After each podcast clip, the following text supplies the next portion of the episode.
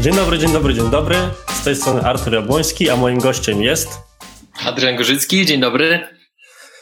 Witam w kolejnej transmisji w ramach programu konkretnie o marketingu i jak sama nazwa mówi, w dobie masa transmisji, gdzie zamiast wiedzy jest po prostu wata, ja zapraszam konkretnych gości, zadaję im konkretne pytania i będę męczył tych gości zawsze tak długo, aż udzielą jak najbardziej szczegółowych odpowiedzi.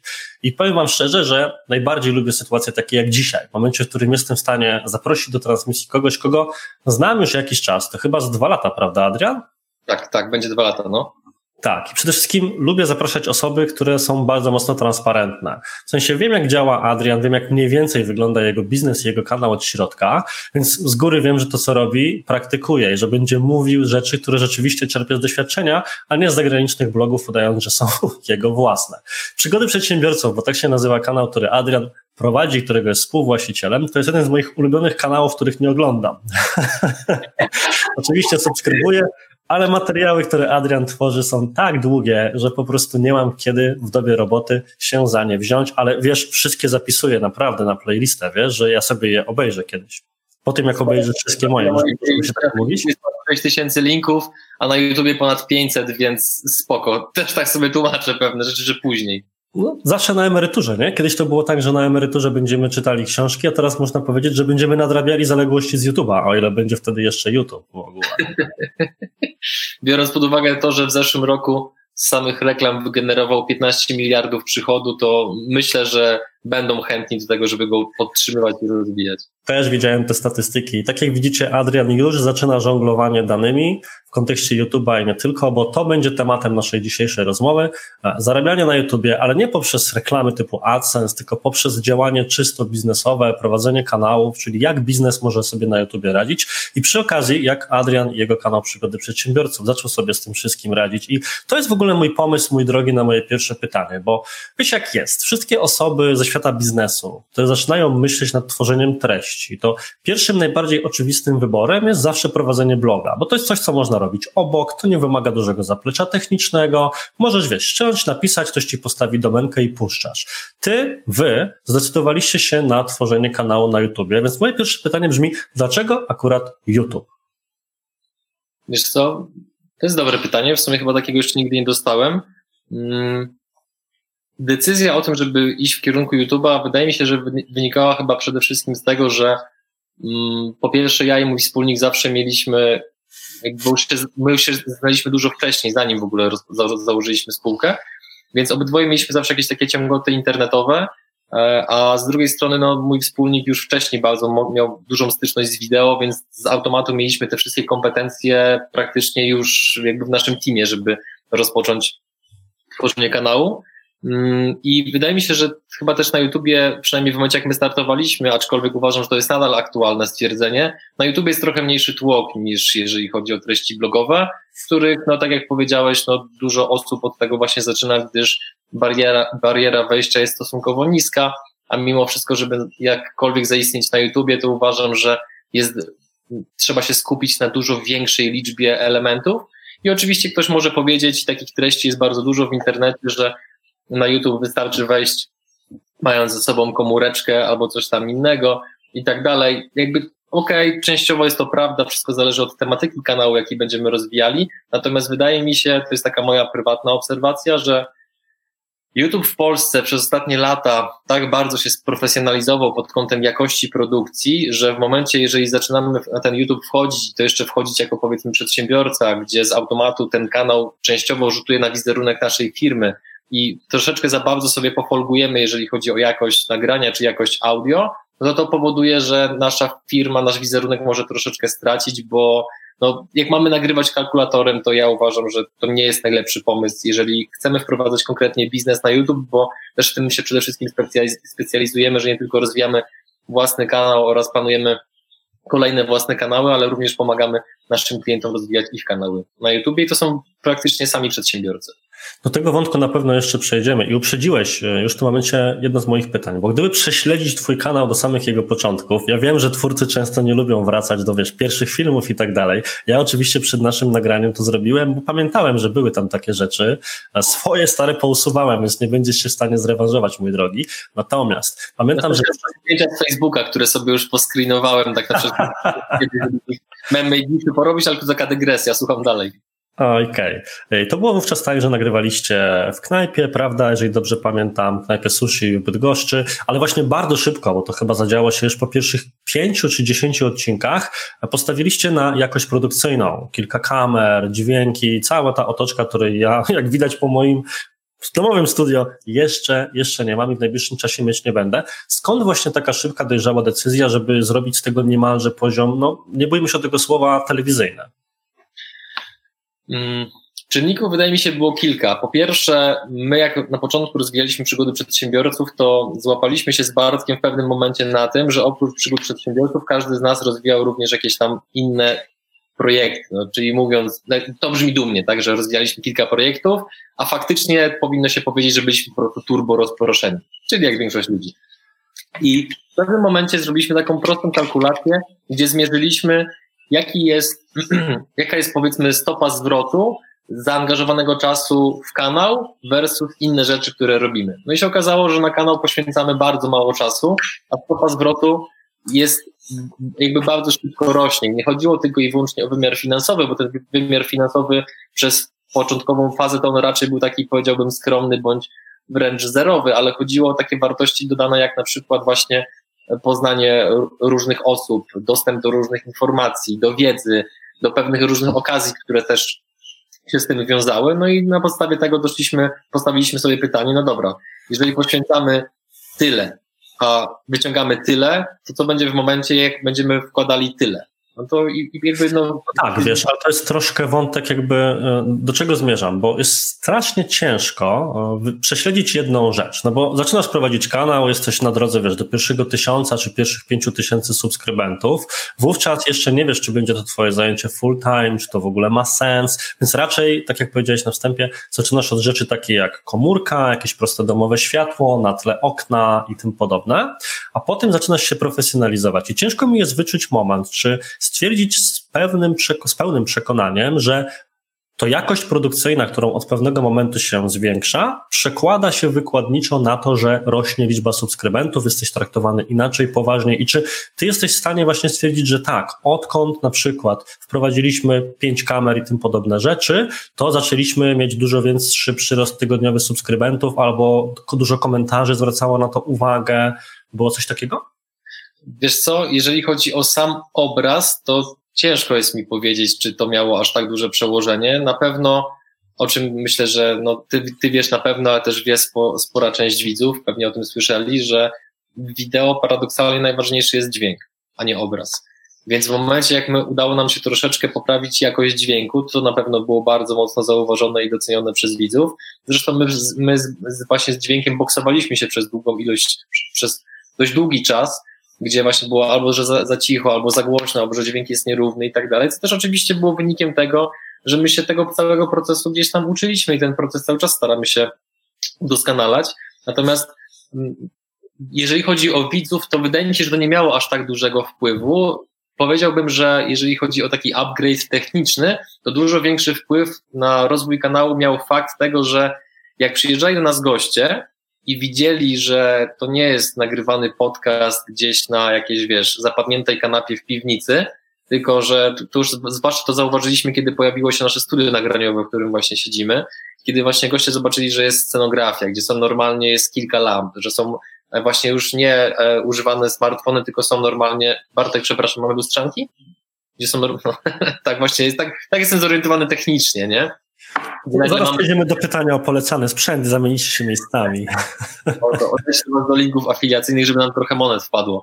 No więc kiedy, więc kiedy goście zobaczyli, że mamy taką ilość sprzętu i że właśnie tak to wszystko profesjonalnie wygląda, to wydaje mi się, że to, to, to, to spowodowało, że w pewien sposób w pewnych kręgach poszła jakaś taka w eter informacja ze strony właśnie samych naszych gości, że staramy się to, co robimy, e, robić jak najbardziej profesjonalnie, dzięki czemu było nam coraz łatwiej zapraszać przedsiębiorców, którzy prowadzą coraz większe firmy, bo są no, jeszcze, jeszcze bardziej znani, a to z kolei przełożyło się na dużo większe tempo pod kątem budowania właśnie społeczności wokół samego kanału.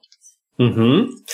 Mm, to ja bym chciał na chwilę jednak, bo na pewno będę chciał przejść do pytania o to, dlaczego taka idea fix, tak, że zapraszanie gości, czemu nie właśnie one man show, który na pewno sprawdziłbyś się doskonale, masz dużą prezencję sceniczną. Natomiast pytanie jest inne, bo na przykład powiem ze swojego doświadczenia i swoich obserwacji. Bardzo długo sam zwlekałem z wejściem na YouTube, miałem do tego kilka podejść. Do dzisiaj no, robię to, ale jeszcze właśnie nie poświęcam temu tyle czasu, ile powinienem, a cały czas coś mnie hamuje. I co konkretnie mnie hamuje? Zobacz, że kiedy robię sobie analizę nawet topowych nazwijmy to influencerów, branży mojej, tak, biznes, marketing i tak dalej, to osoby, które mają często stojące za sobą gigantyczne społeczności dziesiątki, setki tysięcy obserwujących w różnych kanałach social mediowych sumarycznie, działają w skali globalnej, więc wiesz, też dużo łatwiej z uwagi na język angielski im się przebić. I te osoby właśnie imponują tymi cyframi. Następnie wchodzisz na ich kanał na YouTube, gdzie jest mnóstwo treści. Wychodzą regularnie, mają przygotowane wszystkie rzeczy, o których wiesz, my jeszcze będziemy rozmawiali, czyli opisy, tagi, tytuły. Wygląda to profesjonalnie. Po czym patrzysz, że ktoś, kto ma dziesiątki tysięcy obserwujących na Facebooku, liczba wyświetleń filmu, dobrze teoretycznie przygotowanego 100, 500, 300. Do czego dążę? Dążę do tego, że generalnie influencerzy, tudzież osoby wpływu w branży biznesowej osiągają bardzo niskie wyniki na YouTubie, nieadekwatne w stosunku do zasięgów, które udaje im się wygenerować w innych mediach. Czy wiesz, dlaczego tak jest? Wydaje mi się, że tak naprawdę e, spojrzą na to z kilku perspektyw. Po pierwsze, będzie tylko gorzej, tak bym obstawiał, ponieważ no, co, róż, co róż praktycznie słyszymy, jak jeden, jeden czy drugi duży serwis społecznościowy obcina swoje zasięgi po to, żeby nas w pewien sposób e, zmusić do wykupy, wykupywania płatnej reklamy. Jeżeli mamy na, na, na, na, na, nad głową setki, jak nie tysiące akcjonariuszy, którzy domagają się coraz to większych wzrostów akcji bądź wypłaty dywidend, to to jest jak najbardziej w pewien sposób zrozumiałe postępowanie, tym bardziej, jeżeli jest się w pewien sposób e, monopolistą.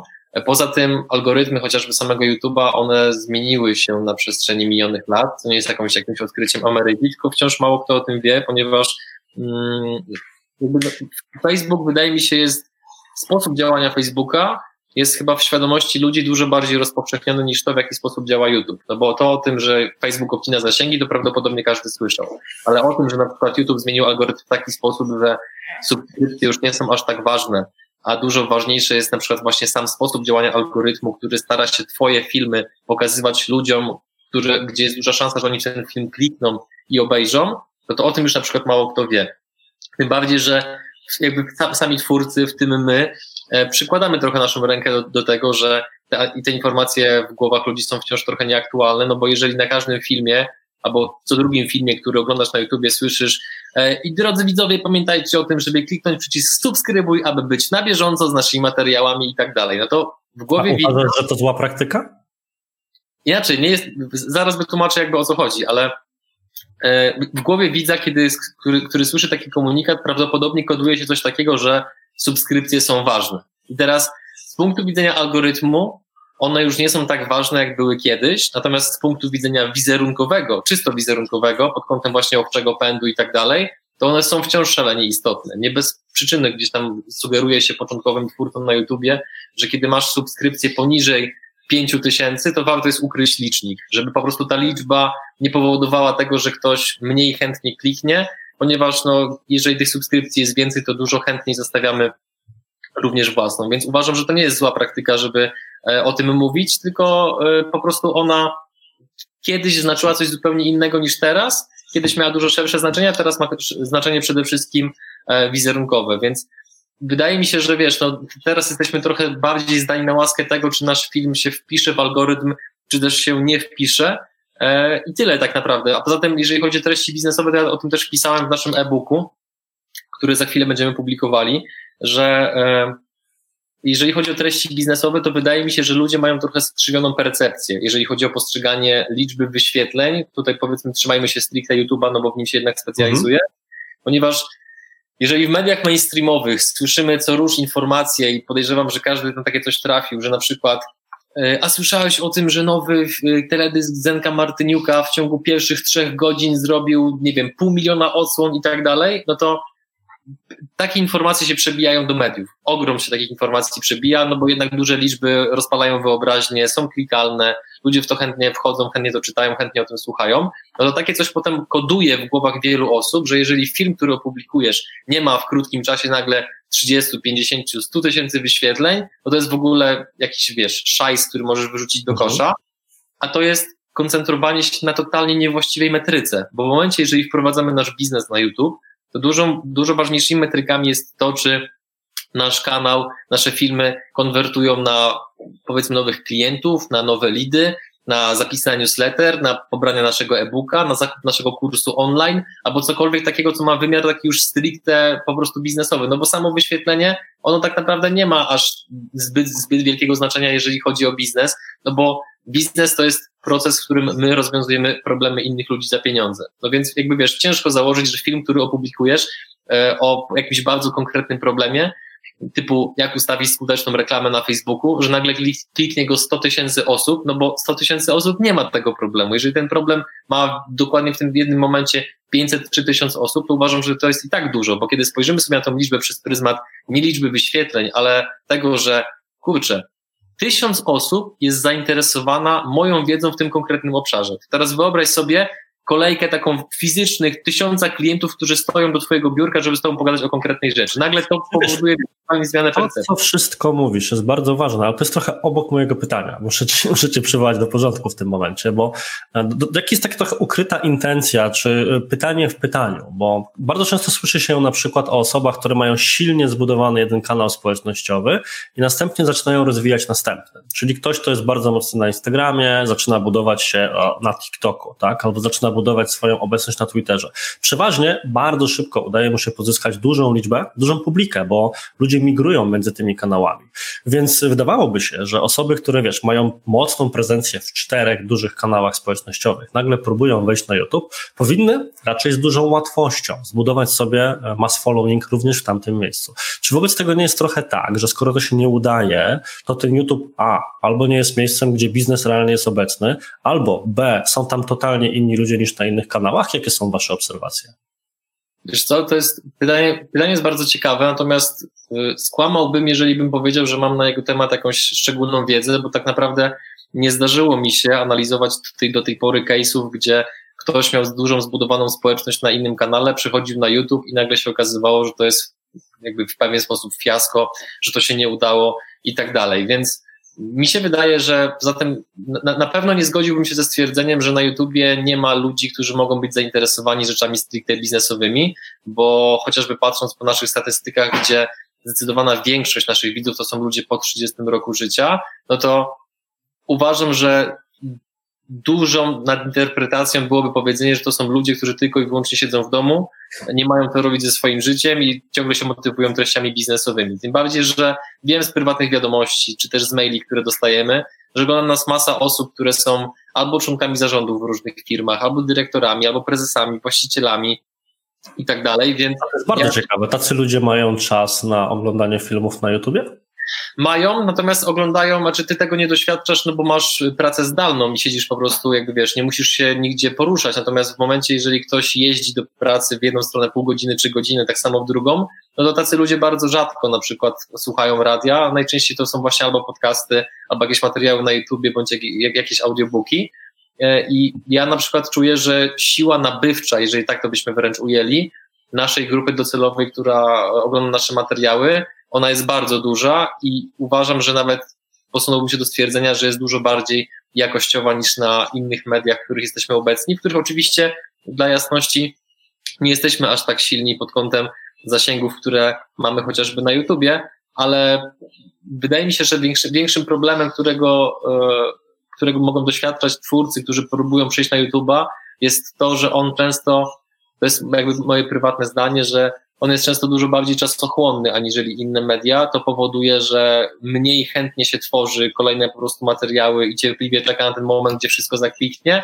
bo łatwiej jest po prostu powiedzieć, że YouTube nie działa i wstawić kolejny post na Facebooka, czy kolejne zdjęcie na Instagram, albo kolejny post na LinkedIna.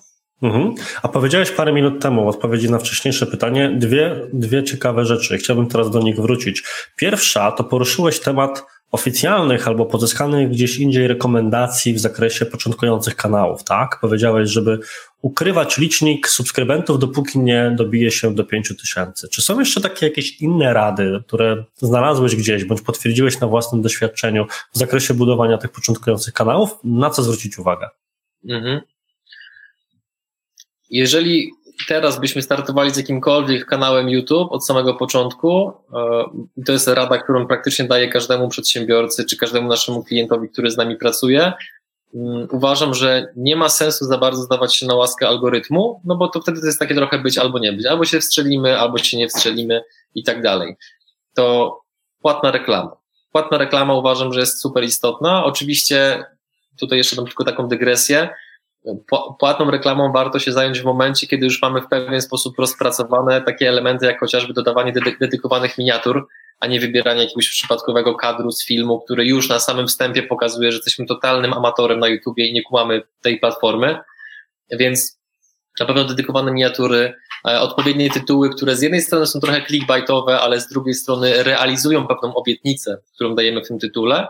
E, oraz opisy, które są czymś więcej niż tylko i wyłącznie linkiem prowadzonym do strony, prowadzącym do strony internetowej bądź do jakiegoś innego miejsca, na którym nam zależy, żeby nasi użytkownicy tam dotarli. Czyli w takim opisie, żeby było też faktycznie możliwie jak najbardziej opisane, e, co w tym filmie się znajduje, na jakie pytania w tym filmie odpowiadamy i tak dalej, żeby z jednej strony użytkownicy mieli jak największą wygodę korzystania z tego filmu i żeby mogli szybko sprawdzić, czy ten film faktycznie odpowiada na ich potrzeby, a z drugiej strony, żeby ułatwić pracę algorytmom pod kątem tego, co się w tym samym filmie znajduje. Więc jeżeli mamy takie właśnie podstawowe elementy ogarnięte, o których informacji w internecie jest multum i wydaje mi się, że, to, że teraz nie ma sensu za bardzo na to tracić czasu, to kolejny element bardzo, ja, ja, ja się z tym spotkałem naprawdę tak niewiele razy, że w pewien sposób nie, nie rozumiem, czemu ludzie z tego nie korzystają, ale właśnie korzystać z reklamy na YouTubie. To jest coś, co może być paliwem rakietowym, ponieważ e, tak jak chociażby na Facebooku, znaczy na Facebooku mamy dużo bardziej rozbudowany system targetowania reklam niż na e, YouTubie. Nie wiem, czy się z tym zgodzisz? Mm, połowicznie, ale nie, nie wchodźmy w to. Okej, okay, dobra, to chęt, chętnie poznam Twoje zdanie, może za chwilę albo później. W każdym razie na YouTubie mamy wystarczająco rozbudowany system reklamowy, dzięki któremu nasze filmy możemy faktycznie wyświetlać ludziom, którzy są możliwie jak najbliżej naszej grupy docelowej, bądź faktycznie tą grupą docelową są, e, dzięki czemu nie musimy czekać i obserwować z bólem serca, jak nasze filmy mają po 5, po 18 wyświetleń, tylko mogą mieć od razu nagle po kilkaset czy po kilka tysięcy.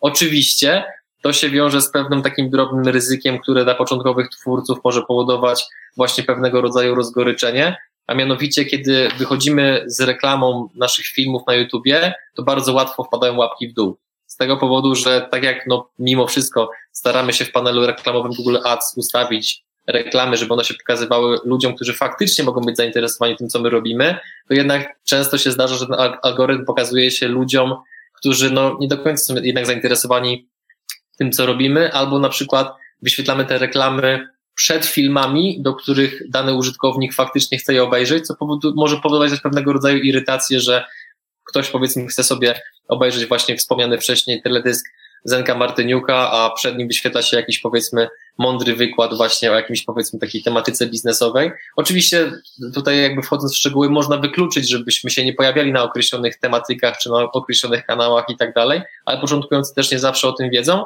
Niemniej płatna reklama na YouTubie uważam, że wciąż jest stosunkowo tania, bo prosty przelicznik u nas w tej chwili wydane 100 zł to jest mniej więcej około chyba, jak dobrze pamiętam, półtora tysięcy, półtora tysiąca unikalnych widzów, co umówmy się, uważam, że jest dość tanie, tym bardziej, że jeżeli chcemy tak naprawdę mm, pierwsze odcinki traktować w sposób taki trochę pilotażowy, żeby zobaczyć, co się ludziom podoba, co się nie podoba, w którym kierunku iść, jaką strategię rozwoju kanału e, przyjąć. Więc polecam płatną reklamę, bo wciąż mało kto jej używa, co powoduje, że ona jest stosunkowo tania.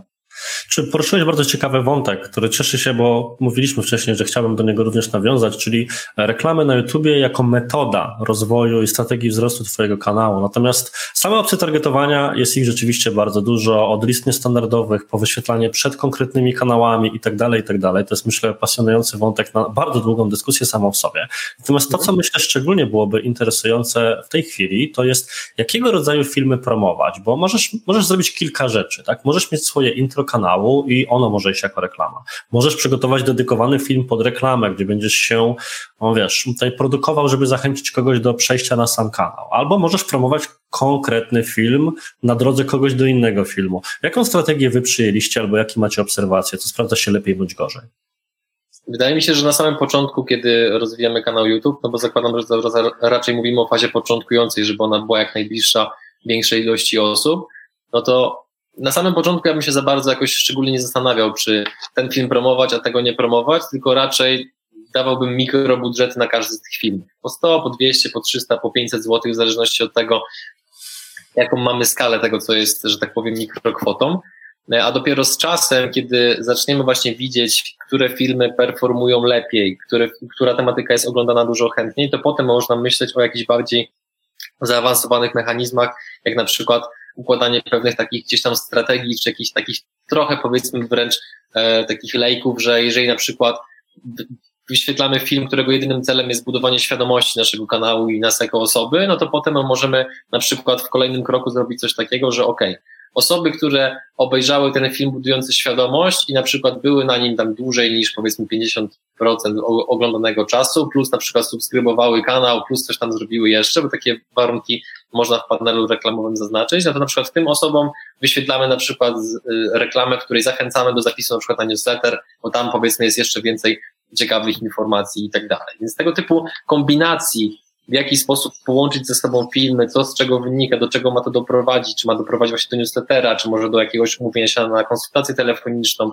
czy być może do e, wysłania jakiegoś zapytania ofertowego i tak dalej, to już totalnie zależy od strategii samego marketera w danej firmie, jaką on przyjmie i tego raczej bym tutaj w żaden sposób nie narzucał. Natomiast odpowiadając wprost na Twoje pytanie, które zadałeś, jak my to robiliśmy, to my praktycznie od samego początku, e, na, na samym początku robiliśmy praktycznie płatną reklamę w większości filmów, można powiedzieć wręcz, że wszystkich, może zdarzały się jakieś wyjątki, których nie robiliśmy i tak było do momentu, aż osiągnęliśmy powiedzmy pewną skalę, jeżeli chodzi o subskrybentów, o zbudowanie właśnie świadomości e, naszej marki i to, że nas w pewien sposób algorytmy polubiły, bo zobaczyły, że ludzie faktycznie chętnie oglądają nasze materiały.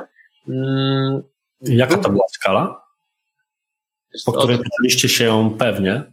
E, mniej więcej chyba powiedziałbym, że około 30 tysięcy subskrybentów. To już było takie, że okej, okay, to już nie jest jakby, to nie jest może jakiś super duży kanał, mm, patrząc porównując ze wszystkimi, ale jeżeli chodzi o treści biznesowe, no to to powoduje, że z automatu jesteśmy, myślę, że w top 10, jeżeli chodzi o, pod kątem oczywiście wielkości subskrypcji, no bo e, tą, tą topkę to można, że tak powiem, mierzyć pod kątem bardzo różnych metryk. Mm, był taki moment, że my przez jakiś czas dawaliśmy reklamę, pamiętam, na wszystkich, nie tylko na subskrybentów, ale również na widzów, którzy są podobni do subskrybentów, ale wpadało nam bardzo dużo łapek w dół, jak dobrze pamiętam, to nas troszeczkę bolało, stąd właśnie wspominałem o tym rozgoryczeniu, którego sami doświadczaliśmy. Potem robiliśmy chyba taką fazę, że y, pierwszych, przez pierwszych kilka dni chyba dawaliśmy reklamę, jak dobrze pamiętam, na samych subskrybentów, żeby faktycznie nazbierać powiedzmy jak najwięcej łapek w górę od tych ludzi, którzy są faktycznie zainteresowani, a dopiero później uruchamialiśmy właśnie pozostałe grupy odbiorców, żeby nawet jeżeli wpadnie trochę tych łapek w dół, to jednak zyskamy bardzo dużo wyświetleń. Tutaj chodziło, e, już nawet tutaj nie chodziło za bardzo o jakiś tutaj nasz dobrostan psychiczny, żebyśmy się, wiesz, nie czuli źle z tym, że tutaj na nas plują i nas hejtują, bo to w ogóle nie było w tym kierunku, tylko bardziej chodziło o to, żeby nie torować umysłów e, ludziom, którzy są naszymi widzami. No bo jeżeli wchodzimy na jakiś film, który ma powiedzmy 40 łapek w górę i 20 łapek w dół, no to w głowie widza, e, no to pojawia się taka żarówka, skoro jest tyle łapek w dół, jest taka kiepska proporcja, to co jest tym filmem nie tak, a chyba szkoda mi czasu, wyjdę z tego filmu i go nie obejrzę, nie dając mu nawet za bardzo szansy. Więc to była właśnie taką strategię przyjmowaliśmy, żeby e, właśnie ludzie nie mieli uprzedzenia, że dany film jest kiepski i że w ogóle w niego nie klikną.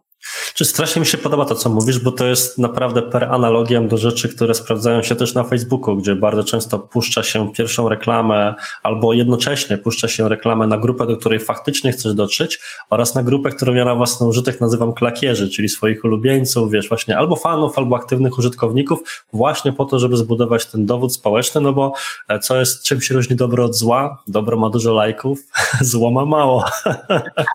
Taki komiks internetowy widziałem.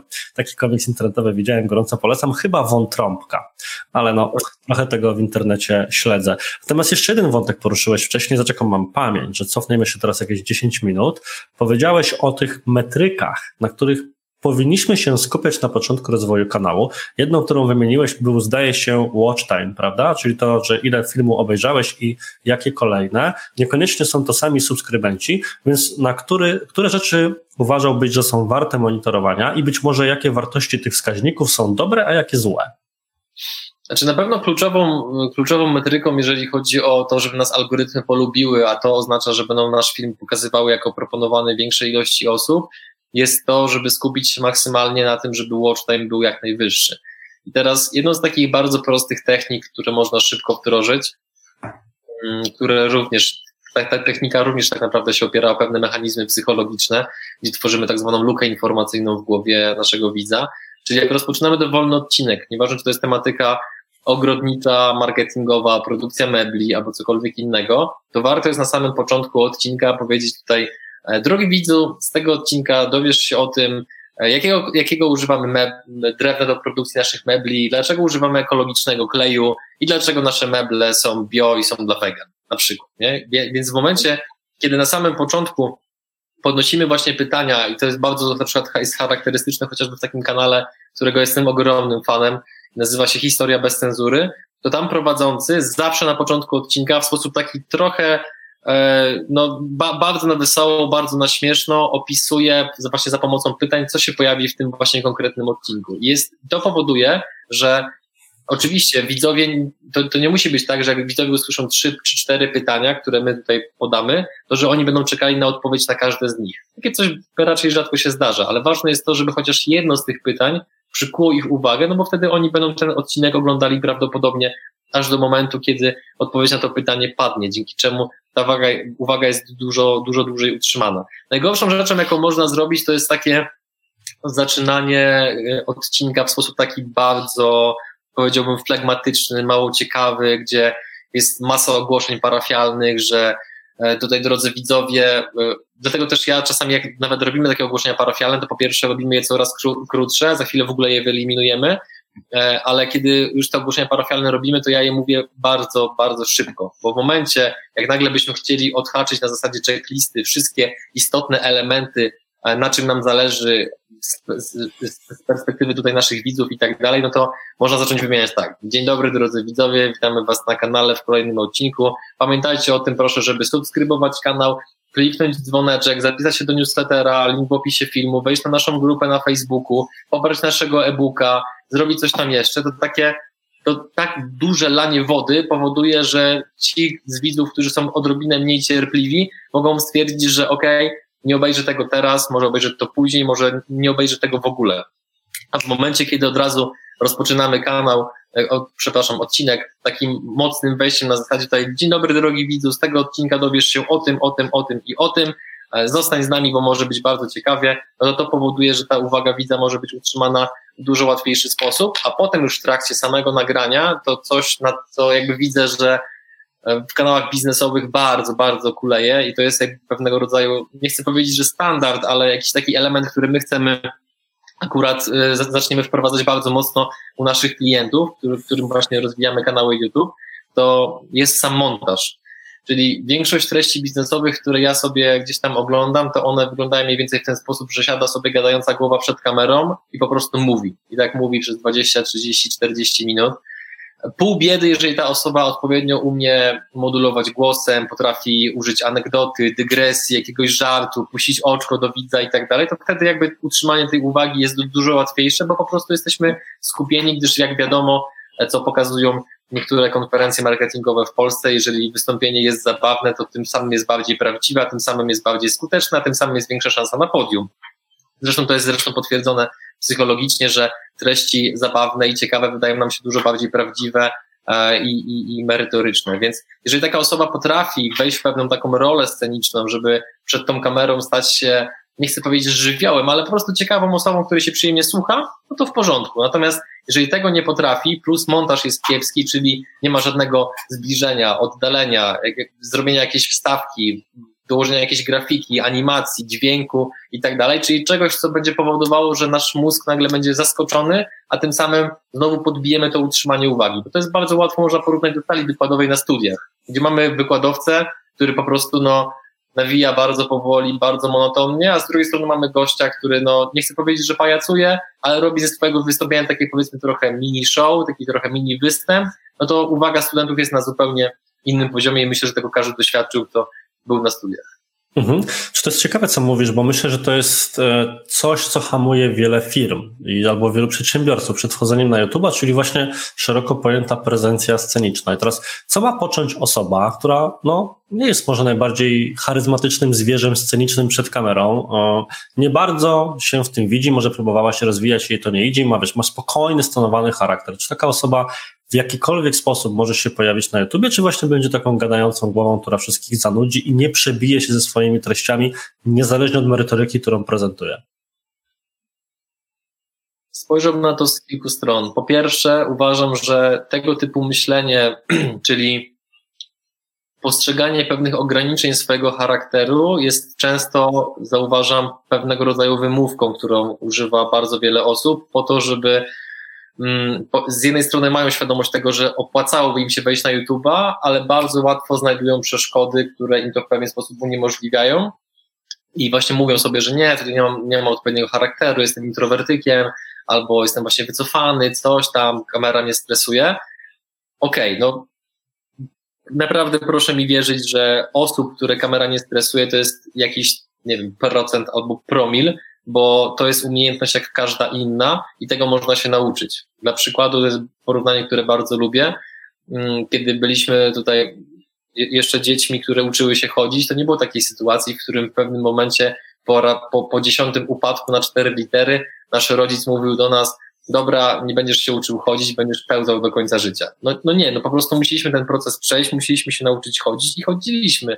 I uważam, że podobnie jest z kamerą, że w momencie, kiedy zwłaszcza jeżeli, zwłaszcza jeżeli te nagrania są jeszcze robione tak w sposób, nie tak jak teraz, że lecimy na live, gdzie umówmy się, każda pomyłka, każde potknięcie, no to jest od razu widziane przez dziesiątki albo setki osób, w zależności od tego, jaka jest skala danego live'a, ale jak, jeżeli nagrywamy sobie w zaciszu domowym, czy w jakimś tam studiu, gdzie możemy zrobić 100 dubli, 100 powtórek, to naprawdę to jest tylko i wyłącznie kwestia naszej wyobraźni i kreatywności, że nawet jeżeli jesteśmy, uważamy się za najnudniejszą osobą, na, na, najnudniejszą osobę na świecie, to kiedy napiszemy sobie scenariusz tego odcinka i chcemy w jakiś sposób na przykład właśnie go urozmaicić, to uważam, że jeżeli taki scenariusz, scenariusz odcinka pokażemy jednej czy drugiej osobie, i potem zaczniemy zbierać od nich jakiś feedback, co moglibyśmy poprawić, zmienić, to w pewnym momencie, nie wątpię, że to się stanie przy pierwszym, drugim czy piątym nagraniu, ale w pewnym momencie sami po pierwsze nasz, nasz, nasz stres dużo bardziej się obniży, zaczniemy czerpać z tego wszystkiego frajdę, która będzie wynikała ze wzrostu kompetencji w tym konkretnym obszarze,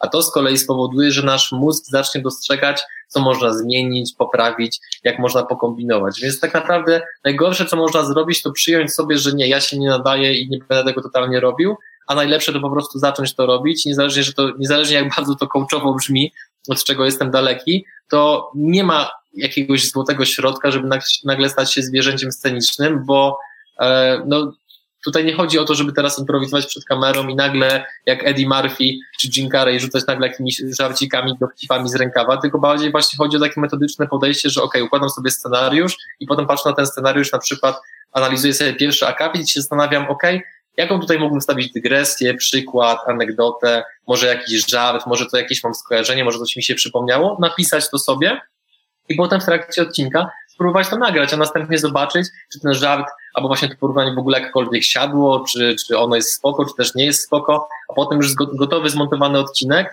można na przykład pokazać 5, 10, 20 osobom z tym zastrzeżeniem, że bardzo prosimy o feedback, niezależnie od tego, jak bardzo będzie bolesny i, i taka mini widownia sama najlepiej nam powie, czy w ogóle jakkolwiek trafiamy z takimi właśnie wstawkami, które mają e, nasz e, po prostu film urozmaicić. Mm, opowiedziałeś bardzo ciekawą rzecz. Ja jestem po prostu szczerze zainteresowany odpowiedzią czy twoim spostrzeżeniem na to pytanie. Czyli wiesz, powiedziałeś dużo o roli montażu czy innych takich elementów, które mają urozmaicić film. I teraz treści merytoryczne, umówmy się, one nie mogą mieć dwie minuty. One pewnie będą szły w skalę nastu czy kilkudziesięciu, tak jak wasze rozmowy, które są niekiedy szalenie długie i dlatego jest to mój ulubiony kanał, którego nie oglądam, prawda? Natomiast czy to nie jest tak, że tego typu treści merytoryczne, one są po prostu bohaterem tła, czyli odpalasz sobie takiego YouTube'a w karcie obok, a obok robisz cokolwiek innego, czy rzeczywiście e, albo wierzysz, albo masz takie dane, że ludzie siadają przed wywiadem, nie wiem, z kubkiem kawy, czy czymkolwiek innym i przez godzinę oglądają, jak dwóch gości rozmawia, albo, bo to jeszcze można by było zobaczyć, jak jeden gość produkuje się przez 40 minut? To też, na to odpowiem też z kilku różnych perspektyw. Po pierwsze, dużo dostajemy informacji od naszych widzów, że oni, nie wiem czemu nie lubię tego słowa w tym kontekście, ale okej, okay, użyję go, konsumują nasze treści. E, też właśnie, często jadąc albo jakimś samochodem, autobusem, czy jadąc rowerem do pracy i tak dalej, to się bardzo często właśnie dzieje w ten sposób. Mm, drugi, e, drugi częst, częsty sposób konsumpcji treści jest taki, że to się dzieje właśnie trochę przy okazji podczas e, rozwieszania prania, robienia jakichś porządków domowych i tak dalej. Często też dostajemy jakieś tam zdjęcia czy wiadomości, że na przykład ktoś jest na spacerze, na spacerze z dzieckiem i słucha na przykład naszego podcastu. Na podcastach również jesteśmy dostępni, ale na przykład też dostajemy takie wiadomości, gdzie e, pamiętam Kiedyś chyba robiliśmy jakąś taką ankietę, gdzie pytaliśmy ludzi, czy właśnie wolą oglądać wideo, czy może wystarczyłby podcast, no bo gdyby się okazało, że wystarczy podcast, no to po co, e, że tak powiem, utrzymywać tak duży park maszynowy i tak dalej, po co ten, ten montaż ma tyle trwać, jeżeli chodzi właśnie o wideo i w ogóle. No ale się okazało, że tam, pamiętam, kurczę, chyba 70% osób, które odpowiedziały na to pytanie, no to oni na przykład napisali, że dla nich jest szalenie istotne, oglądając taki wywiad, obserwowanie mimiki gościa, obserwowanie jego gestów, spojrzenie mu w oczy, niezależnie od tego, jak dziwnie to brzmi, no bo jednak to nie patrzymy sobie w oczy, tylko tak pod pewnym kątem i tak dalej, jak, gdy oglądamy to jako widz. E, a na przykład też z perspektywy analityki, którą obserwujemy w YouTube Analytics, to widzimy, że z, naprawdę z miesiąca na miesiąc coraz bardziej rośnie udział widzów, którzy oglądają nasze treści z poziomu telewizora i w ogóle procent oglądanego materiału wydaje mi się, że jest chyba w ogóle w czołówce, jeżeli chodzi y, ze wszystkich mediów, które tam są do dyspozycji, czyli tam komputer, smartfon i tak dalej, to telewizory oraz konsole mają największy procent watch time'u, jeżeli chodzi o utrzymanie uwagi widza. I niektórzy puszczają sobie w tło nowy odcinek Dlaczego ja, a inni przygody przedsiębiorców. Na przykład, nie? I jakby, i, i, więc wydaje mi się, że ciężko mi jest odpowiedzieć na to pytanie, czy ktoś siada faktycznie przed komputerem, włącza wywiad i w sposób nieruchomy patrzy się przez 40 minut jakby w ekran. No ja sam tak nie oglądam treści biznesowych. Jasne, moje pytanie było celowo nieco przegięte, żeby właśnie dowiedzieć się tych rzeczy, które powiedziałeś, więc jestem całkowicie usatysfakcjonowany twoją odpowiedzią. Ponownie chciałbym, wiesz, bo tak skaczemy troszkę po wątkach, bo twoje odpowiedzi są na tyle rozbudowane, że prowokują do zadania kolejnych pytań, ale jest, są te rzeczy, na które chciałem nawiązać wcześniej. Jedną z takich rzeczy, którą powiedziałeś, to było to, że waszą jedną ze strategii oczywiście promowania kanału kiedyś, obecnie mniej, są reklamy YouTube'owe, natomiast zarówno kiedyś, jak i obecnie w jaki sposób promujecie własny kanał? Co właściwie można zrobić, żeby kanał na YouTube rosnął poza produkcją treści i reklamą? Myślę, że jedną z, ze strategii, która jest tak samo skuteczna była rok czy pięć lat temu, tak samo jest skuteczna teraz, będzie za a, x lat, jest robienie czegoś, o czym sam mi kiedyś powiedziałeś, jak siedzieliśmy sobie w Zimmer Cafe na Gdańskiej. To pamiętam, i, i to było w ogóle ciekawe, bo my już tam kanał pewnie prowadziliśmy chyba z dwa lata, skromne doświadczenie mieliśmy, ale tak pamiętam, siedzisz z kubkiem kawy i tak sobie tak kawą tak mieszasz, tak mówisz, no bo ja to słyszałem, że jedną z najskuteczniejszych strategii jest robienie kroków. Po czym napiłeś się kawki, nie? I ja tak stwierdziłem, no spoko, spoko, nie? I tam coś tam mi gdzieś tam z tyłu głowy zostało, też o krosach słyszałem i tak dalej. No i teraz też mogę powiedzieć, no dobra, ale halo, halo Adrian, przecież każdy wasz wywiad jest pewnego rodzaju krosem. Prawda. No, nie, zależy jakbyśmy spojrzeli na definicję krosa. Ja na krosa patrzę jednak bardziej przez pryzmat tego, że krosa robisz z osobami, które mają jakieś swoje społeczności. Oczywiście, Czepialski powie, no ale każdy ma swoją społeczność, bo, ponieważ każdy ma 500 znajomych na Facebooku i tak dalej. Spoko. Tylko, że prawdziwe czary zaczynają się w momencie, jeżeli uda ci się przekonać do crossa kogoś, kto jest na przykład większy od ciebie kilka razy, jeżeli chodzi o twoje zasięgi. Oczywiście nie jest to łatwe, no bo takie osoby, które mają takie zasięgi, też już mają pewnego rodzaju doświadczenie i pewną świadomość, więc również szukają najlepszych okazji dla siebie do tego, żeby po prostu wystąpić na jednym czy na drugim kanale. E, natomiast to jest strategia, która jest absolutnym paliwem rakietowym, jeżeli chodzi o zwiększanie zasięgów, e, budowanie większej świadomości marki, pozyskiwanie nowych subskrybentów i tak dalej.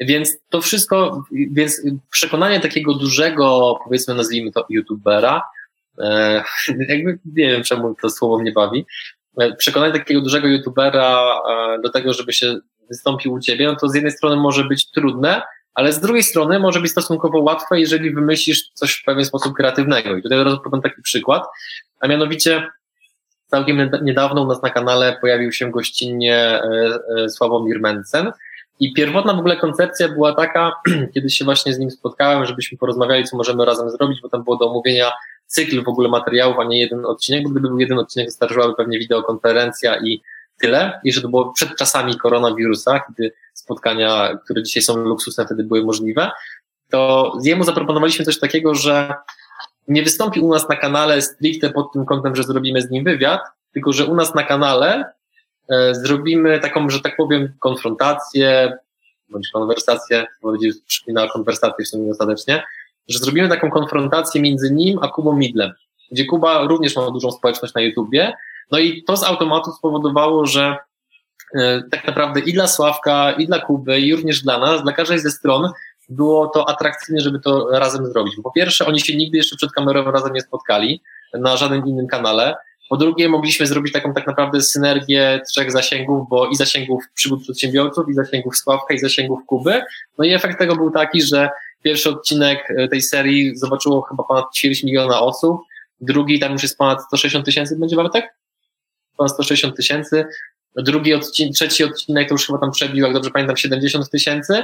E, I to jakby to gdzieś tam fajnie, fajnie zażarło, więc ja uważam, że jeżeli mamy tutaj gdzieś w naszej branży, czy, no bo nie każdy chce robić materiały ze swoją konkurencją, to jest naturalne, no to, to naprawdę wymaga kreatywności i sporego pomysłu, ale można pomyśleć o czymś takim, żeby swój kanał urozmaicić od treści w pewien sposób komplementarny do tego, co robimy, dzięki czemu sam kanał zyskuje na różnorodności, co daje jeszcze większą propozycję wartości naszym widzom, a po drugie wykorzystujemy ten mechanizm do tego, żeby część widowni tego właśnie zaproszonego gościa została również u nas, co w perspektywie pewnego czasu, wykorzystując e, procent składany, w pewnym momencie się okaże, że już nie mamy tam tych 300 subskrybentów, tylko nagle mamy 3000, 5000, a to z automatu powoduje, że możemy robić krosy z coraz bardziej zasięgowymi osobami. To jest tylko i wyłącznie konsekwencji. Czy Twoja odpowiedź jest bardzo ciekawa, natomiast właśnie to jest ta wątpliwość, która pojawiła mi się w trakcie i trochę się do niej odniosłeś, że jednak, wiesz, co innego, kiedy jest e, kanał tego typu jak wasz, który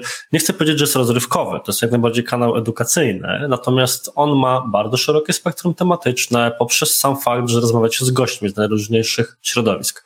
Natomiast co w przypadku, gdy mamy twórcę, który znalazł sobie swoją niszę, będzie to na przykład hodowla jedwabników, nie ma takich osób dużo, zależy mu na dotarciu do potencjalnych klientów na jedwabniki, zobaczy, że są dwa inne kanały i umówmy się, ostatnią rzeczą, która jest w jego interesie, jest podpromowywać tamtych ostatnich twórców, więc troszkę nie bardzo jest możliwość tego robienia crossa, nawet mówię tutaj o takim czystym poziomie mentalnym, że nie każdy będzie chciał.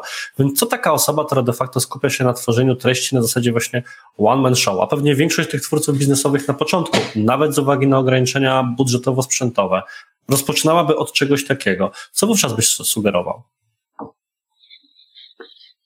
Mamy uważam, mamy krosy, co jeszcze? Znaczy, uważam, że nie ma, nie ma branży, w której mm, nie da się wymyślić jakiegoś ciekawego krosa, bo y, nawet jeżeli, bo tutaj, okej, okay, kumam, że cały czas w pewien sposób skupiamy się na tym, co zrobić, żeby te zasięgi były większe, tylko też musimy tutaj uściślić to, że większe zasięgi niekoniecznie muszą od razu oznaczać dużo większą ilość subskrypcji i wyświetleń tu i teraz. Dlatego trzymając się chociażby tego gościa, który zajmuje się hodowlą jedwabników, uważam, że nie byłoby niczym złym, gdyby na przykład taki hodowca e, zaprosił na przykład do swojego programu swoich klientów, którzy korzystają z jego usług.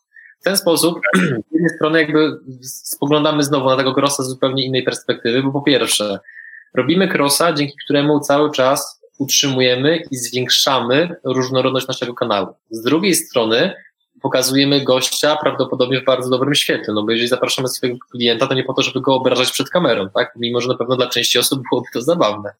Więc pokazujemy naszego gościa z dobrej strony. Po trzecie, y, ten, taki materiał może mieć taki wydźwięk silnie sprzedażowy, ale uważam, że jednocześnie bardzo akceptowalny dla widza, no bo jeżeli zadamy naszemu klientowi pytanie, drogi Arturze, czy możesz przypomnieć e, i tutaj opowiedzieć, jak wyglądała Twoja perspektywa nawiązania naszej relacji biznesowej, jak zostałeś naszym klientem. No i oczywiście, jeżeli ktoś ma takie poczucie humoru jak Ty, to prawdopodobnie rzuci czarny humor e, na o takim kalibrze, że po prostu widzowie e, oszaleją ze zniesmaczenia albo ze szczęścia, w zależności po której stronie barykady jesteśmy. Nie wiem, ale... mówisz, do niczego się nie przyznam. Natomiast jakby taki klient potem ma okazję opowiedzieć, jednocześnie dając społeczny dowód słuszności, dlaczego został Twoim klientem, jakby co go do tego skłoniło, jak tą współpracę wspomina i tak dalej, co z automatu powoduje, że teraz czy w przyszłości ludzie, którzy rozważają zostanie bycie Twoim klientem, jest dużo większa szansa, że skonwertują właśnie po tym filmie, bo nagle usłyszeli, że hej, z Tobą warto współpracować. Teraz pojawia się pytanie, czy taki film jest gorszy niż taki, gdzie robimy e, crossa z kimś bardzo zasięgowym, czy lepszy? Moim zdaniem lepszy. Bo jeżeli chodzi o metryki, to ja wolę dostać powiadomienie o tym, że wszedł mi kolejny przelew na konto, albo że, tak jak przed rozpoczęciem naszego nagrania dostałeś maila, że wpadł ci kolejny list na skrzynkę, to ja wolę dostawać takie powiadomienia, niż to, że nagle na moim kanale pojawiło się o 100 subskrybentów więcej. No bo koniec końców biznesowo ta liczba to inaczej. To inaczej to inaczej będę chciał ugryźć temat, bo bardzo dużo mówiliśmy o takiej perspektywie właśnie, wiesz, kogoś, kto jest sobie sam starym żeglarzem i okrętem i to wówczas byłyby rady adekwatne no, dla pewnego wąskiego grona, firm może kilkuosobowych albo freelancerów. Natomiast taka rzecz, która chodzi mi po głowie, to załóżmy, że biznes większej skali chce wejść na YouTube'a. Nie, nie, nie mówimy nawet o perspektywie kilkuset pracowników, ale kilkudziesięciu. Takim problemem, który z mojej perspektywy się pojawia, jest kto to ma prowadzić. Bo tak, CEO zakładam, że ma ważniejsze rzeczy do roboty, albo powinien, albo może nie, niż prowadzenie kanału na YouTube, bo to zżera dużo czasu i tak dalej. Jeżeli zainwestujesz w jakiegoś pracownika, który miałby być twoim, wiesz, człowiekiem, e, frontmanem, to zawsze istnieje to ryzyko, że on sobie z czasem pójdzie i zabierze w tym momencie sporą część widzów, która zaczęła obserwować ten kanał z uwagi na niego. Jeżeli wynajmiesz sobie, tak jak kiedyś to zrobiła marka bodajże Redis Bet, e, wynajmiesz sobie zewnętrznego kontraktora, który będzie dla ciebie prowadził ten kanał, to no, analogiczna z pracownikiem, a nawet jeszcze gorsza, prawda? Bo ta osoba może po jakimś czasie stwierdzić, ho, ho, ho, musimy teraz renegocjować bardzo mocno warunki, bo to dzięki mnie ten kanał w ogóle jest oglądany. Jak to rozwiązać? Kto powinien prowadzić kanał dla firmy? E, spoko, to jest, to jest uważam, że bardzo zasadne pytanie, z którym w sumie nieraz się spotkałem. Hmm. Uważam, że jeżeli mówimy o firmie, która już ma kilkudziesięciu pracowników, no to jeżeli jest ona dobrze zarządzana, przyjmijmy, no to prawdopodobnie dysponuje budżetem marketingowym, który jest w stanie bez problemu dźwignąć eksperyment, który zwie się kanał YouTube. I oczywiście zgadzam się z tym, że postawienie wszystkiego na jednego zawodnika, który ma reprezentować naszą firmę na kanale YouTube, jest z jednej strony rzeczą bardzo wygodną, jest taką pokusą, której ulega wiele osób, ponieważ kiedy byśmy e, zebrali powiedzmy 10 pracowników działu marketingu danej firmy i powiedzieli, słuchajcie, będziemy prowadzili kanał YouTube, musimy właśnie wybrać prowadzącego albo prowadzących. To szansa, że się zgłosi 7-8 osób, mówiąc ja, ja, ja, ja, ja, jest stosunkowo niewielka, ponieważ kamera ludzi stresuje. Ale jeżeli się zgodzi, zgłosi chociaż jeden gość imieniem Janek, to osoba pytająca nagle zobaczy ulgę na twarzy dziewięciu innych osób, że zgłosił się jakiś gość, który jest na tyle szalony, że chce występować regularnie przed kamerą. Więc taka sytuacja powoduje, że ta osoba, która dostała dyspozycję, żeby stworzyć kanał YouTube, nagle może ulec tej pokusie, że okej, okay, nie będzie się boksować z dziewięcioma osobami, więc bierze tę jedną, no i bo to jest jakby dużo prostsze. Na początku jest prostsze, ale później może być taka właśnie sytuacja, gdzie taki pracownik zyskuje bardzo dużą i silną pozycję w firmie, co oczywiście ma swoje plusy, jak i minusy, ale uważam, że minusy są na tyle duże, że trzeba się na nich bardzo skupić. No bo plusami może być to, że taka osoba z powodu swojej, swojego temperamentu, swojej natury, nagle w krótkim czasie bardzo ociepli wizerunek firmy, być może nagra jeden czy dwa filmy, które nagle staną się w pewien sposób wiralami e, i tak dalej. Tylko, że ludzie mają taką tendencję i to jest po prostu no, słabość naszej psychiki, której też mi się kiedyś zdarzyło ulec, że w pewnym momencie za bardzo wierzymy w naszą zajebistość. I taka osoba, która nagle w krótkim czasie napędzana pieniędzmi tak naprawdę w firmy, jest twarzą kanału, który szybko rośnie, jest sporo gdzieś tam pochwał, ludzie zaczynają wypisywać wiadomości, że super prowadzisz ten kanał, bez ciebie to nie byłoby to samo, jesteś twarzą firmy i tak dalej, no to bardzo łatwo można potem jakby przegiąć z poczuciem własnej wartości i nagle wykorzystywać ten, ten, ten, tą, tą sytuację do tego, żeby nagle dużo bardziej forsować powiedzmy naszą podwyżkę i, i, i w ogóle. W czym, żeby było jasne, nie uważam, że to byłoby coś złego, jeżeli to robimy w sposób kulturalny, na zasadzie tutaj, e, drogi prezesie, odkąd jestem tutaj twarzą tego kanału, to ten kanał generuje tyle i tyle lidów, takie i takie zyski, czy byłaby szansa, żebym na przykład zarabiał troszeczkę więcej. Myślę, że kiedy rozmowa jest prowadzona w ten sposób, i czyli tak, tak mówiąc wprost po biznesowemu, i prezes widzi, że faktycznie to ma ręce i nogi, no to rozmowa jest normalna. Gorzej, jeżeli jest sytuacja taka, że ktoś no, przychodzi e, z takim poczuciem, jakby był po prostu e, Michaelem Jacksonem YouTube'a i nagle mówi, słuchaj, płaciłeś mi 3000, teraz będziesz płacił 15 i to jeszcze w euro, no to to powoduje, może spowodować bardzo duże napięcia, kwas, po prostu destrukcję samego kanału, więc odpowiadając już na twoje pytanie wprost, uważam, że najbezpieczniejszą opcją jest albo rozłożenie e, ciężaru między kilka osób, i e, początkowo, bo znowu, będzie ten, będzie ten opór, na pewno będzie opór wśród pracowników, że nie chcą tego robić, spoko. Tylko, że właśnie w, tym, w, tym, w tej fazie trzeba tym pracownikom okazać wyrozumiałość i powiedzieć, słuchajcie, my to rozumiemy, że wasz pierwszy, drugi, piąty film będzie gorszy od 15, 20 i 30. To jest absolutnie zrozumiałe. Jeżeli e, nagramy te filmy, opublikujemy, a na przykład po pół roku stwierdzicie, że chcielibyście nagrać je raz jeszcze, bo teraz już się czujecie lepiej przed kamerą, nie ma żadnego problemu. Wszystko jest kwestią tak naprawdę, uważam, percepcji, bo jeżeli tym ludziom, którzy mają wykonywać właśnie ten kanał YouTube, przedstawi się to w pewien sposób jako szansę, przede wszystkim da się możliwość postrzegania tego jako szansy, czyli nie jako dodatkowy obowiązek, z którego nie wynikają dla nas żadne, żadna gratyfikacja, tylko dodatkowa robota za te same pieniądze, no to ci ludzie będą na to patrzyli zupełnie inaczej, będą dostrzegali w tym możliwość większego zarobku, większego rozwoju samego siebie, realizacji samego siebie i tak dalej, więc to jest tak, naprawdę tylko i wyłącznie... Jasne, jasne, rozumiem, tylko wiesz, to się, skąd się bierze moje pytanie? Nie znam case'a, który dotyczyłby bezpośrednio YouTube'a, ale parę lat temu mocno śledziłem takie sprawy w kontekście Twittera. Na przykład były historie dziennikarzy, których konta nazwane, konta prywatne, żeby nie było, nie konta na przykład, wiesz, BBC Radio Sheffield, tak? Tylko konta, które nazywały się na przykład tam James Rodriguez BBC właśnie. Czyli to było konto konkretnego dziennikarza, jego prywatne, ale miało to BBC w nazwie i w opisie, żeby ludzie wiedzieli, że jest to ta właściwa osoba. Teraz taka osoba zmienia stację i pojawiał się bardzo ciekawy kazus prawny, który przyznam szczerze, nie pamiętam na czyją korzyść był ostatecznie rozstrzygnięty. Czy to konto powinno należeć do tego dziennikarza, czy do stacji, bo czy wzrosło dzięki renomie stacji, tak jak ty powiedziałeś o renomie firmy, czy dzięki charyzmie, tudzież renomie również nabywanej w trakcie tej konkretnej osoby, ale myślę, że nie znajdziemy znajdziemy na to, na to odpowiedzi jako, jako takiej. Powoli dobijamy do godziny, a nie chcę też zabierać zarówno tobie, jak i widzom zbyt dużo czasu. Świetnie się oczywiście rozmawia, jak zawsze z tobą, natomiast jeszcze jedno pytanie, myślę dość, dość standardowe, ale gorąco liczę, że udzielisz niestandardowej odpowiedzi, mianowicie jakie błędy popełniliście budując kanał, które teraz z perspektywy czasu wiesz, że kurde, niepotrzebnie to zrobiliśmy i w takim razie jakie dałbyś rady ludziom, którzy dopiero wchodzą, żeby tych błędów nie popełnili? Czego unikać?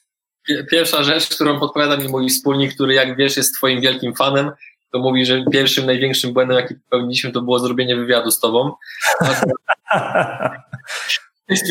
że nie mogą się powstrzymać. I tak to... Przejdźmy jakby tutaj do, do e, samych konkretów. E, wydaje mi się, że pewnego rodzaju błędem to jest e, to jest rzecz, którą robi dość dużo osób, zwłaszcza takich, którzy twierdzą, że nie będą się zniżali do pewnego poziomu.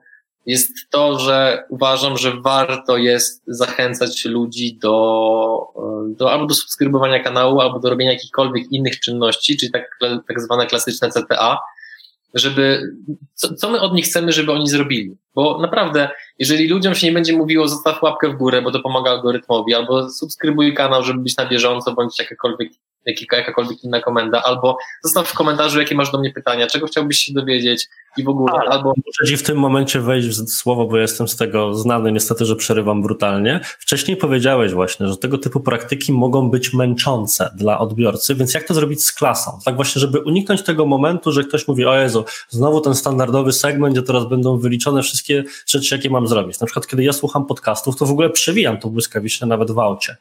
Jak to zrobić tak, żeby to realnie zadziałało? Dobra, Możliwości widzę e, kilka. Pierwsza jest taka, że po pierwsze na samym początku, zamiast dawać właśnie pięć czy sześć komend do działania, które to, no, rozpraszają uwagę i powodują, że widz nie bardzo wie, co ma wybrać, skupić się na tej jednej, która aktualnie dla nas jest najważniejsza. Jeżeli póki co budujemy bazę subskrybentów, spoko, skupiajmy się na subskrybentach. Jeżeli akurat jesteśmy na, w momencie, żeby takim jak my, gdzie chcemy właśnie za, za chwilę wydać nasz e, biznesowy kurs YouTube, czy chociażby też e-booka dotyczącego YouTube'a, zaczynamy mówić przede wszystkim o tym. Więc jedna komenda na początek. Potem można w dalszych etapach robić coś takiego, że podczas samego odcinka e, wstawiamy w sam odcinek takie animacje, które się po prostu wyświetlają jako takie dymki w lewym czy w prawym dolnym rogu na zasadzie, gdzie jest właśnie jakby tak powiedzmy myszka, która pokazuje, że tam masz kliknąć łapkę w górę, masz subskrybować kanał i tak dalej. Oczywiście tutaj, żeby było jasne, robienie takich drobiazgów nie powoduje, że nagle będziemy mieli 500% subskrybentów więcej w jakimś super krótkim czasie. Tu bardziej chodzi o efekt kuli śnieżnej, gdzie te wszystkie drobne działania skumulowane w czasie, przemnożone przez ileś tam dziesiąt odcinków i tak dalej, one zaczną dawać jakiś tam efekt. Trzecią rzeczą, którą można zrobić pod kątem takich komend, jest chociażby robienie tak zwanego voice-overu, który polega na tym, że załóżmy, że nagraliśmy 20-minutowy odcinek i tak dalej, i na przykład ustalamy sobie, że co 5 minut pojawia się jakiś 5-sekundowy komunikat, który powiedzmy działa to w ten sposób, że mówisz, mówisz, mówisz, jest sobie odcinek, leci, leci, leci, nagle jest jakiś charakterystyczny dźwięk typu tam drodzy widzowie, zachęcamy was do stawienia łapki w górę i powiedzmy i leci dalsza część odcinka. W jaki sposób to już, że tak powiem, e, autor zrobi, żeby to miało ręce i nogi, żeby to fajnie wyglądało, żeby to było wpasowane w odcinek, to już zależy tak naprawdę od autora. Chodzi bardziej o kwestię samej kreatywności, że nagle po prostu jest na chwilę przerywana audycja, jest wrzucone CTA i bardzo szybko do tej audycji wracamy, co powoduje, że nawet e, osoby, które są tak niewdzięczne wobec twórców jak ty, że przewijają ich tutaj poty czoła robione CTA, również się na to złapią, usłyszą to i kto wie, być może skorzystają akurat z tego konkretnego CTA lub też nie skorzystają. Czyli pierwszym błędem było to, że na początku zapewne mieliście opory przed czymś takim, bo wydawało wam się to słabe. Jakie inne rzeczy jeszcze byś wymienił? A ja w tym czasie przerwę, żeby wszyscy dali subskrypcję na moim kanale, którego link wrzuciłem w komentarzu.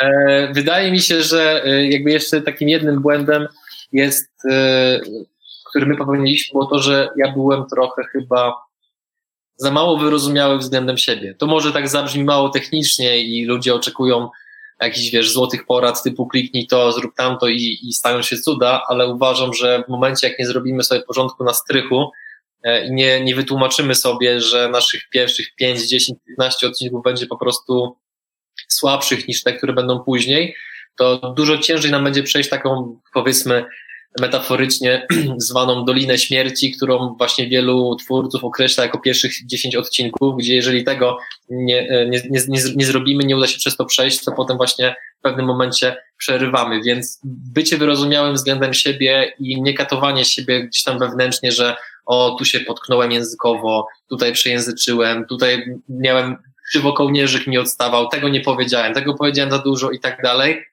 nie róbcie sobie tego. Naprawdę nie róbcie sobie tego, bo ja zdaję sobie sprawę z tego, że każdy z nas jest dla siebie najbardziej surowym sędzią, ale doszukiwanie się takie wręcz obsesyjne, co zepsuliśmy, co zrobiliśmy nie tak, połączone z tym, że samo występowanie przed kamerą już jest stresujące, uważam, że przyniesie znacznie więcej e, szkody niż, niż pożytku, więc bądźcie dla siebie wyrozumiali, niezależnie od tego, jak bardzo dotrąci reklamą Milki czy czegoś tam innego, tam było chyba podobne hasło. Podobno nie lubisz coachów. Ale dobrze, mój drogi, bardzo Ci dziękuję za wszystkie Twoje odpowiedzi. Sam fakt, że cały czas jest z nami mniej więcej 130 osób pokazuje, że nie przynudzałeś. Ja tutaj mam tylko rolę supportu, więc cała, cała chwała dla Ciebie. Chciałbym, żebyśmy chwilę poświęcili na kilka chociaż pytań od widzów, zwłaszcza, że kilka pojawiało się w trakcie, więc jeżeli ktokolwiek ma pytanie do Adriana, to jest ten moment, w którym warto byłoby je zapisywać, a ja będę na bieżąco pokazywał przynajmniej część z nich, na które mam nadzieję jeszcze chociaż te 10 minut poświęcimy. I jedno pytanie już wcześniej napisał Krzysiek, którego gorąco pozdrawiam, bo jest to nasz ukochany grafik w Digitalk. Adrian, jakie masz podejście do clickbaitowych tytułów? Mnie coraz bardziej denerwuje fraza typu tak, wiem, to clickbait, ale tak trzeba. Co powiesz na to? To jest w ogóle, wydaje mi się, że te, tego typu słów chyba bardzo podobnych użył kiedyś w jednym artykule Krzysztof Gąciarz w maga, magazynie chyba sprawnego marketingu. Um, I to jest, to, to jest taka sytuacja, w której bym powiedział um, don't hate the player, hate the game. I no, na, na razie zasady są takie, a nie inne, że ciężko jest znaleźć trochę inną strategię, aniżeli używanie clickbaitowych tytułów. No bo ja zgadzam się z tym, co powiedział właśnie Gąciarz, że jeżeli masz świadomość tego, że dając clickbaitowy tytuł będziesz miał 200 tysięcy odsłon, a nie dając takiego tytułu będziesz miał 50 tysięcy odsłon, no to jeżeli chcesz, że tak powiem, być szlachetnym rycerzem lśniącej zbroi, który nie ima się tak niskich standardów występowania przed kamerą, spoko, jakby idź, idź tą drogą. Natomiast jeżeli zależy Ci na tym, żeby ten materiał faktycznie zobaczyła jak największa ilość osób, no to musisz póki co to zaakceptować. Dopóki YouTube nie wprowadzi testów AB, gdzie będziemy mogli eksperymentować z różnymi miniaturkami, z różnymi tytułami filmów i tak dalej, żeby być może znaleźć trochę inną drogę publikowania filmów niż e, clickbaitowe tytuły właśnie czy miniatury, to uważam, że na razie nie ma za bardzo innej drogi. To, przed czym przestrzegam, to to, że niektórzy ludzie nadużywają clickbaitu w ten sposób,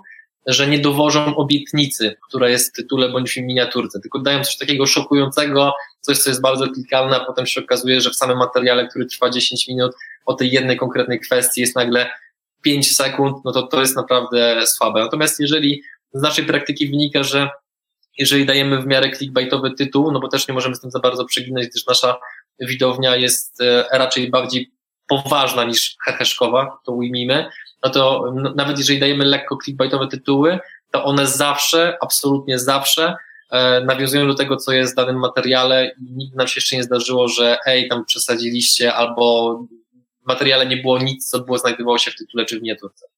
Okej, okay. drugie pytanie od Developer Wannabe Podcast, bardzo ciekawe. E, dwie osoby na ekranie. Czasem pokażę tylko rozmówcze, czasem siebie. Jak urozmaicić taki format, który tutaj nazywany jest videocastem? To jest spoko, to jest fajne pytanie. To jest coś, z czym my teraz będziemy dość mocno eksperymentowali, jeżeli chodzi o zwłaszcza PP tydzień. Jeżeli chodzi o normalne wywiady, to nie wiem, czy to będziemy robili. Kto wie, być może w przyszłości tak, ale tutaj to już jest bardziej kwestia tej decyzji mojego wspólnika Bartosza Kolanka, czy takie rzeczy będziemy robili, czy też nie. nie niemniej, jeżeli e, robi się nawet nagranie dwóch osób, no to uważam, że za każdym razem, kiedy padnie jakiś żart, jakaś dygresja, czy jakaś powiedzmy nawet wymienienie jakiejś osoby, typu tak jak dzisiaj wspomniałem o Michaelu Jacksonie i tak dalej, no to to się może na pozór wydawać rzecz bardzo prosta, e, żeby nie powiedzieć prostacka, ale w momencie, kiedy na przykład, wiesz, żartujemy sobie, tak jak zadałeś mi pytanie, chociażby jaki był największy błąd od początku istnienia kanału, no i kiedy byśmy nie robili live'a, tylko byśmy normalnie montowali ten film, no to ja odpowiadam na to, na to pytanie, że największym błędem było zaproszenie się do programu, no to wiesz, na dwie sekundy nagle wstawiam kadr, tak, gdzie na, na dwie sekundy wstawiam na przykład kadry, gdzie ty powiedzmy właśnie jest kadr z naszego wywiadu, obok twojej głowy pojawia się jakiś na przykład dymek z napisami bla, bla, bla, albo jakieś pierdoły, które mówię, no i wiesz, to jest, może się wydawać mega prostackie, ale z drugiej strony takie coś powoduje, że widz z jednej strony na pewno się uśmiechnie, być może się zaśmieje, być może to przewinie, żeby jeszcze raz zobaczyć tą taką głupią rzecz. Poza tym umówmy się, jak gdyby głupie rzeczy nie utrzymywały długo uwagi widzów, to ludzie by nie oglądali bez końca śmiesznych kotów albo tego typu filmów, które zresztą sam uwielbiam, a moim ulubionym nowym takim... Te koty nie są głupie. Tak. One są po prostu śmieszne. Na razie jest oglądanie, e, jak to się nazywa? Kafin Coffin Mem, gdzie tam właśnie ludzie tańczą z trumnami i tak dalej. No nie wiem, czemu zakochałem. Czekam, Adrian, na pomysł, który wam kiedyś podpowiedziałem. Mam nadzieję, że dalej o tym pamiętasz, czyli lufa pytanie w przygody przedsiębiorców. okay. Mamy jeszcze pytanie, mamy pytanie od Arka, który pyta w branży kursów online, lepiej publikować filmy na fanpage'u czy na YouTubie? Czy może te same e- treści duplikować? Myślę, że fajnie możemy się od tego pytania odbić w ogóle do tego, co ty sądzisz o publikowaniu treści właśnie w dwóch kanałach dokładnie tych samych. Mm, znaczy powiem tak, jeżeli chodzi o rozwój samego wideo, to prawdopodobnie nigdy bym nie postawił na samego Facebooka, e, z tego powodu, że mm, jakby wydaje mi się, że no, znaczy, no wydaje mi się, no to, to, to jest fakt, że model biznesowy Facebooka i YouTube'a są troszeczkę inne. E, no i w interesie Facebooka jest to, żeby nam obcinać zasięgi, żeby nas zmuszać do tego, żebyśmy płacili coraz więcej za reklamy. Natomiast no, w interesie YouTube'a, kiedy film jest dobry, no to w jego interesie jest pokazanie tego filmu jak największej ilości osób, bo on wtedy przy okazji wyświetli reklamy, które i tak już czekają na wyświetlenie, więc jak nawet gdzieś takie widziałem ostatnio badanie, gdzie porównywano ileś tam filmów pod kątem ich średniego czasu oglądania na YouTubie versus na Facebooku, to na Facebooku chyba było niecałe 5 sekund, gdzie na YouTubie było kilka minut. E, więc no jakby ja jestem bardzo ostrożny i daleki od takich powiedzmy bardzo skrajnych statystyk, bo takie mówienie o tym, co jest lepsze, a co jest gorsze, to według mnie jest troszeczkę głupie. To pytanie ma sens tylko i wyłącznie wtedy, jeżeli ktoś by nam przyłożył pistolet do głowy i powiedział, wybieraj YouTube albo Facebook. W sytuacji, kiedy takiej, takiego czegoś nie ma, no umówmy się rzadko, kiedy gramy w rosyjską ruletkę, no to dobrze jest wybrać jedno i drugie medium, bo one się tak naprawdę ze sobą przenikają i potem, jeżeli e, jakaś osoba zobaczy u nas materiał na YouTubie, przekierujemy ją na przykład na nasz fanpage, bo są tam powiedzmy trochę inne materiały niż na YouTubie, albo na naszą grupę, no to taką osobę potem możemy w bardzo różnych miejscach internetu dotykać naszymi treściami, dzięki czemu ona coraz bardziej oswaja się z naszą marką, a to z kolei powoduje, że w przyszłości coraz łatwiej będzie im, tej osobie sprzedać czy to kurs online, czy jakikolwiek inny produkt, więc tak naprawdę jeżeli robimy materiały na YouTube'a, to potem uważam, że recykling treści na Facebooka, LinkedIna, czy wszędzie indziej, gdzie jesteśmy, jest absolutnie obowiązkowy, no bo najważniejsza praca już została wykonana. Więc no, już, już skoro już ten film mamy, to zróbmy co w naszej mocy, żeby dotarł on do jak największej liczby osób, no bo nie można wykluczyć sytuacji, w której część naszych widzów czy naszych, czy naszych klientów znajduje się tylko na Facebooku, a na przykład na YouTube'a nie wchodzą, bo po prostu, no, no bo po prostu nie, no nie nie czują tej, tej platformy i tak. Podsumowując Twoją odpowiedź, sugerowałbyś, żeby te treści były różne albo korzystały nawet z tego samego materiału źródłowego, ale były dopasowane do poszczególnego kanału. Nie ma co puszczać dokładnie tego samego w tych samych miejscach. Okej, okay, mój drogi, na tę chwilę widzę, że nie pojawiają się nowe pytania, więc chyba będziemy w stanie e, kończyć. Moim i Państwa gościem, jak to się mówi w profesjonalnych studiach telewizyjnych, był Adrian Gorzycki. Zobacz, ponad 100 osób wytrzymało, mimo że nie mamy nic zmontowanego i kadr zarówno u mnie, jak i u Ciebie nie jest najdoskonalszy, mój drogi. Także zapraszam serdecznie wszystkich zarówno do subskrybowania przygód przedsiębiorców, jak i trochę bardziej zapraszam do subskrybowania mojego kanału, bo jest mniejszy i potrzebuję tego wsparcia. Linki będą oczywiście na wszelkich opisach filmu. Żegnają się Artur Jabłoński i Adrian Gorzycki, jeszcze raz dziękuję. Dzięki Artur za zaproszenie, dzięki Wam wszystkim za uwagę. Jeżeli będę mógł jakkolwiek pomóc, piszcie do mnie na Facebooku. A z przyjemnością pomogę, podpowiem, a tymczasem życzę wszystkim miłego dnia. Zawsze się tak mówi, potem chłopak nie odpisuje, ale to już wyjmie milczeniem. Do zobaczenia wszystkim. Cześć. Cześć.